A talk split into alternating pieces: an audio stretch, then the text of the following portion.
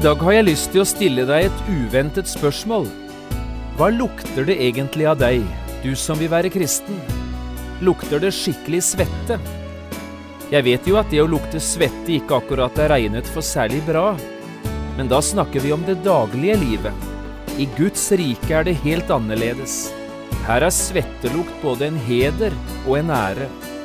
Jeg tror det lukter altfor lite svette av dagens kristne.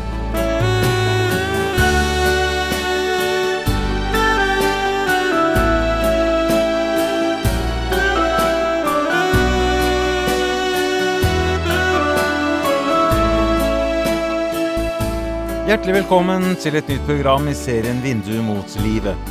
Programmet er produsert av Kristen Riksradio og blir ledet av Jon Hardang. Dette programmet er produsert med støtte fra Sambandet Forlag AS.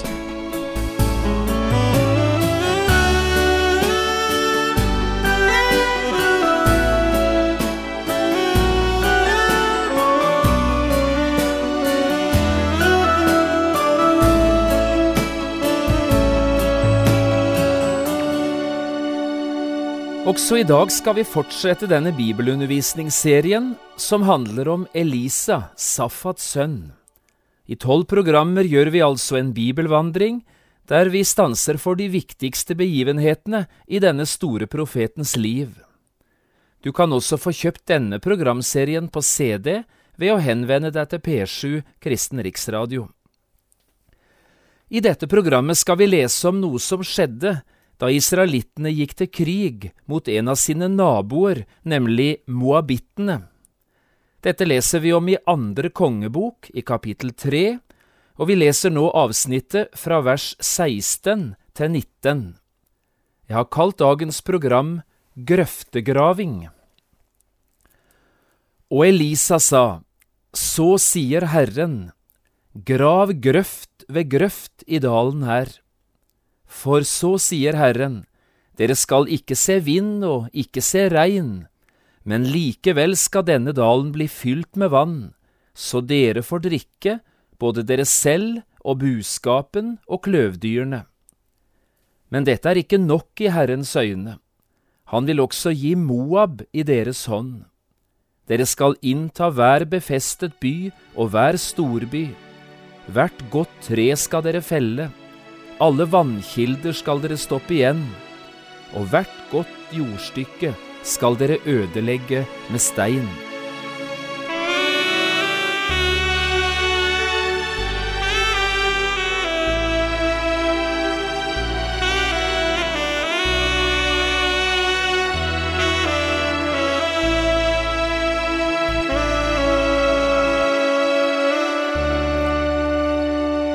Når jeg hører ord som grøfter og grøftegraving, tenker jeg som regel i én av to retninger. Det ene har med vann å gjøre, det andre handler om krig. Og det er nok det første som er det vanligste, iallfall slik jeg tenker på det. Når grøfter blir gravd, handler det ofte om vann, og om å lede vannet. En gravemaskin befinner seg for eksempel ute på et jorde eller i fuktig og myrlendt terreng. Her blir grøfter gravd opp, og i disse grøftene blir det lagt ned rør, nærmere bestemt dreneringsrør.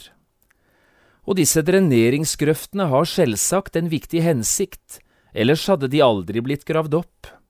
Vannet skal ledes bort, så hele jordområdet kan bli tørrere og dermed dyrkbar jord. Litt av det samme er situasjonen utenpå en del av veiene våre. Med jevne mellomrom må veigrøfter graves opp og ryddes, og stikkrenner blir åpnet og renset, så alt overvannet på en god måte kan ledes bort fra selve veilegemet. Slik blir veien tatt vare på, og veien er både kjørbar og framkommelig. Men grøfter kan også ha med krig å gjøre. Ute på slagmarkene har soldater mer enn én gang gravd sine grøfter, eller skyttergraver, som vi kaller det på militært. Heller ikke her er det vanskelig å forstå hensikten. Disse grøftene, eller disse skyttergravene, skal gi soldatene maksimal beskyttelse mot fienden, og i tillegg kan de være et godt utgangspunkt både for angrep og framrykning. Nå er det jo en del soldater som selv møtte døden i slike skyttergraver, men skyttergravene står likevel i livets, ikke i dødens, tjeneste. Vann og krig. Slik har vi altså snakket om det nå, og det er faktisk akkurat det samme vi møter i det bibelavsnittet vi nettopp leste sammen, her fra andre kongebok og kapittel tre. Også her handler det om grøfter og om grøftegraving.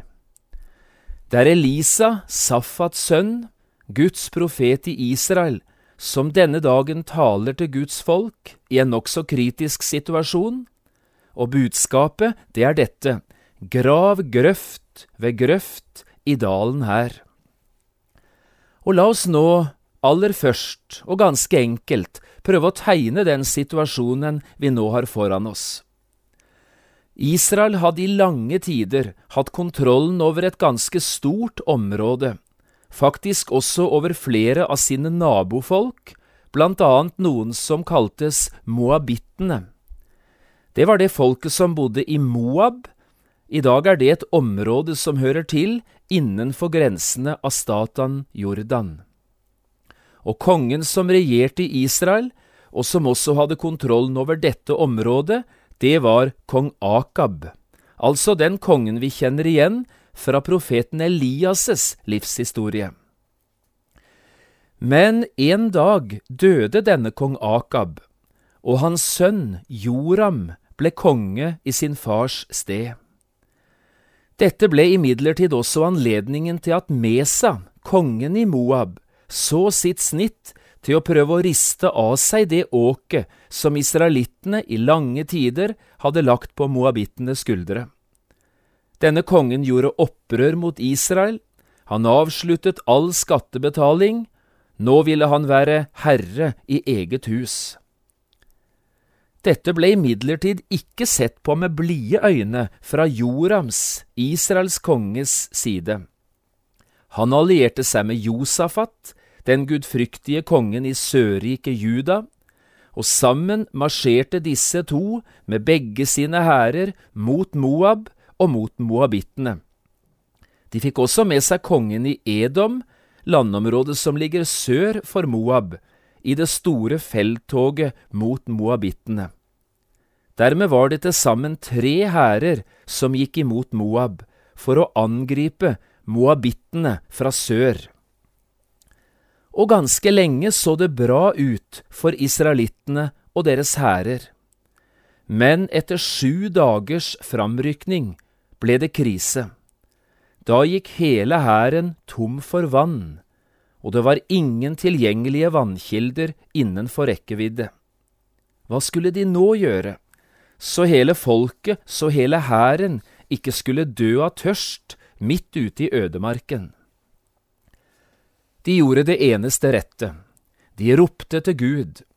Josafat, den gudfryktige kongen fra Juda, tok selv til orde og sa, Er det ikke noen av Herrens profeter her, så vi kunne spørre Herren til råds gjennom han? Da svarte en av Israels konges tjenere, står det tidligere her i kapittelet, Elisa, Safats sønn, er her, han som helte vann over Elias' hender. Det betyr altså han som tjente profeten Elias så lenge han levde. Og denne kong Josafat, han hadde hørt både om Elias og om Elisa, så han sa, Hos ham er Herrens ord. Dermed dro de tre kongene av sted for å møte Elisa, Safats sønn. Nå skal ikke vi gå nærmere inn i detaljene på det som siden hendte, men etter å ha snakket litt med disse tre kongene, sier så Elisa, Hent en harpespiller til meg. Og da harpespilleren kom og tok harpen, så kom Herrens ånd over Elisa. Og han sa, og så kommer altså disse ordene, Grav grøft ved grøft i dalen her. Så langt leste vi i den bibelteksten vi har foran oss. Og så kan du jo selv finne fram Bibelen din og lese resten av kapittelet selv, slik det altså er gjengitt her i siste delen av andre kongebok tre. Det gikk nøyaktig som Gud hadde sagt. Folket og buskapen fikk vann, og ikke bare så vidt at det rakk, de fikk vann i mengdevis. Og på grunn av det samme store Guds under vant de også en knusende seier over sine fiender, over moabittene. Dette er historien fra Elisa Safats sønns livsberetning. Men hva har dette med oss å gjøre, vi som lever i dag? Har en historie som dette noe å lære deg og meg, vi som vil tjene Gud i dag, og som vil leve med Gud i den tid som nå er? Svaret er ja, og det er jo grunnen til at jeg har lest denne bibelteksten også for deg som hører nå. Denne teksten har noe utrolig viktig å lære oss, ikke bare om grøfter og grøftegraving, men om hvordan Gud fortsatt, på alle måter i livet, har omsorg for sine. Og det vil jeg si litt mer om nå i siste delen av dagens program. Vann og krig. Slik har vi altså lest om det i dag, fra andre kongebok tre. Men dette er ord som også lar seg bruke når det gjelder den livssituasjon vi befinner oss i som kristne i vår tid. Vann, det handler jo om det ene nødvendige, også for oss som lever i dag. Vann er det nødvendigste av alt for livet, også for mennesker i vår tid. Uten vann så dør vi. Og vannet, det er i Bibelen et bilde på Guds ord, Guds tilgivelse og Guds frelse. Dermed hjelper denne bibelteksten oss litt til svar på spørsmålet hvordan skal vi stelle oss i dag, så vi som vil være Guds folk, kan få tilført det vi trenger, både av forkynnelse og tilgivelse, bevarelse og frelse. Og svaret, ifølge dagens bibelavsnitt, har med grøfter og grøftegraving å gjøre. Det er slik du og jeg også i dag kan erfare Guds store frelsesunder. Kamp, det var det andre ordet, og det har altså med krig å gjøre. Eller for å være enda mer konkret, det ordet har med åndskamp å gjøre. Ingen trenger i dag å være overømfiendtlig for å forstå at det nå raser en voldsom åndskamp i verden.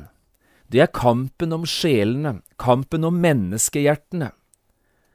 Også dette er en kamp på liv og død, akkurat som det var for Israel og moabittene den gang.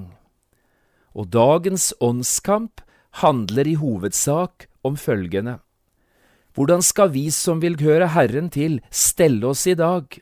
så stadig nye mennesker kan bli frelst? Hvordan skal vi innrette oss så Guds ord og Guds frelse kan nå videre gjennom oss til nye mennesker og nye generasjoner? Også her har svaret med grøfter og grøftegraving å gjøre, kombinert med Guds eget store frelsesunder. Kanskje jeg skal prøve å si dette litt merkelige på en annen måte. Da kunne jeg gjerne si det sånn. Det er noe som Gud vil at du og jeg skal gjøre. Det er noe i denne verden som vi må ta ansvaret for. Ellers skjer det ikke. Det er å grave grøfter. Og så er det noe Gud selv vil ha ansvaret for. Og hvis ikke han gjør det, så er det iallfall ingen andre som kan gjøre det det er å fylle disse grøftene med vann. Bare slik er det framtid og håp å finne for Guds folk. Bare slik, hvis Gud gir vann, kan det bli vekkelse og liv omkring oss. Ja, tenker du kanskje, det er greit så langt, men hva betyr dette helt konkret? Hva handler det om å grave grøfter? Jo, noen svar på det spørsmålet skal du få nå. Det er flere måter å grave grøfter på, grøfter som Gud også i dag kan fylle med vann. Nå skal du få høre om tre helt konkrete ting. For det første, det er noe som heter å be. Det finnes altså noe i denne verden som jeg vil kalle for bønnegrøfter. Gud selv har knyttet helt utrolige løfter til bønn, altså til det å be både for oss selv og for andre mennesker. Blant annet sa Jesus, Be, så skal dere få. Enklere tror jeg ikke det kan sies, men sterkere og mer grenseløst går det heller ikke an å si det. Vær den som ber, han får. Vårt ansvar er altså å be. Guds ansvar, det er å svare. Ditt og mitt ansvar er å holde ut i bønn, grave grøfter, vente på Gud og ikke gi opp. Og så er det Guds ansvar å ta seg av oss i vår nød, i sin time og på sin måte. Akkurat som israelittene ropte til Gud denne dagen, slik skal også du og jeg få rope til Han i vår tid. Og som israelittene så gikk i gang med å grave grøfter, slik skal du og jeg få gjøre det. Be og be og atter be. Bønn er en måte å grave grøfter på. Bønn er å gi Gud nye muligheter. Bønn er å gi Gud åpne kanaler, både for hans liv og hans frelse, for hans kraft og for hans fred. Men bønnesvar kommer aldri av seg selv, det er først noen som må be. Og der noen arbeider og ber, der svarer alltid Gud. I en gammel vekkelsessang lyder det slik. Gud hører bønner i dag som før. Bønnen er nøkkelen til nådens dør. Bønnen kan smelte selv is og sne. Glem derfor aldri å be. Og litt lenger nede i den samme sangen står det slik, Be for de ufrelste, be og be, selv om du aldri får frukter skje. Tenk om du hjemme i himmelens kor ser dem i skaren så stor. Dette handler altså om bønnegrøftene. Og så det andre. Det er noe som heter forkynnelse av Guds ord og det er noe som heter lydighet mot dette ordet. Det har med ordets grøfter, eller grøfter for Guds ord, å gjøre. Når noen forkynner Guds ord, ja, så får Guds ord muligheter til å nå fram til nye mennesker. Og der noen er lydige mot Guds ord, der får også Guds ord muligheter å slå rot i nye hjerter. I Romerbrevet 10,17 bruker Paulus utrolig fine ord om dette. Så kommer da troen av forkynnelsen som en hører, og forkynnelsen som en hører, kommer ved Kristi ord. Å forkynne evangeliet, det er å grave grøfter for Gud og for Guds ord. Slik kan evangeliet, det levende vannet, få muligheter å flyte inn i mange menneskers hjerter. Og som vi har bruk for dette i vår tid, nye forkynnere og mye forkynnelse. Og så det tredje. Det er også noe som heter å planlegge. Det er noe som heter å tilrettelegge eller å forberede. Det finnes en del kristne som gir inntrykk av å ville være svært åndelige personer, og noen av dem sier vi kan ikke gjøre noen ting, verken til vekkelse eller fornyelse. Dette er det bare Gud selv som kan sende oss og stelle i stand. Dette er noe bare Gud selv kan gjøre. Alt det der høres på en måte riktig ut. Det er ingen av oss som er i stand til å gi andre mennesker nytt liv, eller gi Guds folk del i Guds kraft og i Guds velsignelse. Men Bakom en slik åndelighet gjemmer det seg ofte åndelig latskap. For de samme menneskene, de gidder ikke ta ansvar nesten for noe som helst i Guds forsamling. Jo da, hvis det er noe spesielt som skjer, da er de på plass. Akkurat som fluen i et soverom som har vært kaldt lenge, men som så blir fyrt opp og etter hvert både varmt og godt. Da surrer disse menneskene rundt som om det var de som drev hele menighetsarbeidet. Men ellers, når temperaturen er lavere og aktiviteten nede på det hverdagslige, da trekker de seg tilbake som fluene i sprekkene, og det er ingen som ser dem mer. De er ikke å regne med, og de er sjelden til stede. Du tar bildet, ikke sant? Kanskje skulle jeg si dette på en annen måte. De gidder ikke være med å grave grøfter. De deltar sjelden og aldri i den nødvendige grøftegravingen som finner sted i Guds rike. Jo, jeg er nok klar over at verken planlegging eller tilrettelegging er ord som høres særlig åndelige ut. Men det er altså nødvendig å grave sånne grøfter, om ikke det levende vannet skal gå hus forbi. Slik var det i profeten Elias' tid, slik var det på profeten Elisas tid, og slik er det i dag. Grøftegraving betyr hardt arbeid, nøye planlegging og god tilrettelegging. Men slike grøfter er selvsagt ikke verdt noe i seg selv. Det er når vannet kommer, vi virkelig ser verdien. Da samler grøftene vannet, da ledes vannet gjennom grøftene, og tørste mennesker får drikke. All virksomhet må planlegges. En taler må alltid forberede seg, og ethvert sangkor må øve. Ellers blir resultatet aldri hva det kunne ha blitt. Det er slike ting det handler om, helt konkret, når vi snakker om det å grave grøfter. Det var dette jeg hadde på hjertet i dag. Det handler om å be, det handler om å forkynne evangeliet, og det handler om å planlegge og forberede seg. Det er å grave grøfter. Og nå hadde jeg lyst til å spørre deg, kanskje litt uventet nå til slutt, hva lukter det egentlig av deg, du som vil være kristen? Lukter det svette? Jo da, jeg vet at det å lukte svette ikke akkurat er særlig bra, men da snakker vi om det daglige livet. I Guds rike er svettelukt både en heder og en ære.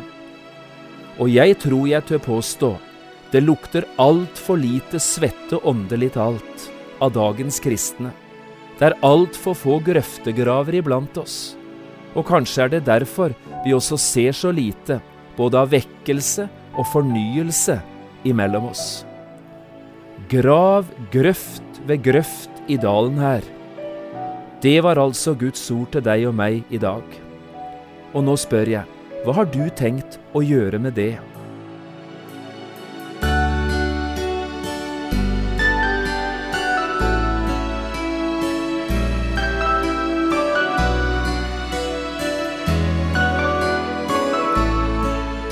Du har hørt på et program fra serien Vindu mot livet med John Hardang. Programmer i denne serien kan også kjøpes på CD fra P7 Kristen Riksradio, eller høres på internett på p7.no. Har du spørsmål eller kommentarer til det du nå har hørt, kan du ta kontakt med oss på telefon. Da bruker du telefonnummer 56 32 17 01. Du kan også sende oss en e-post. Adressen er vml krøllalfa p7.no. Takk for i dag, og på gjenhør.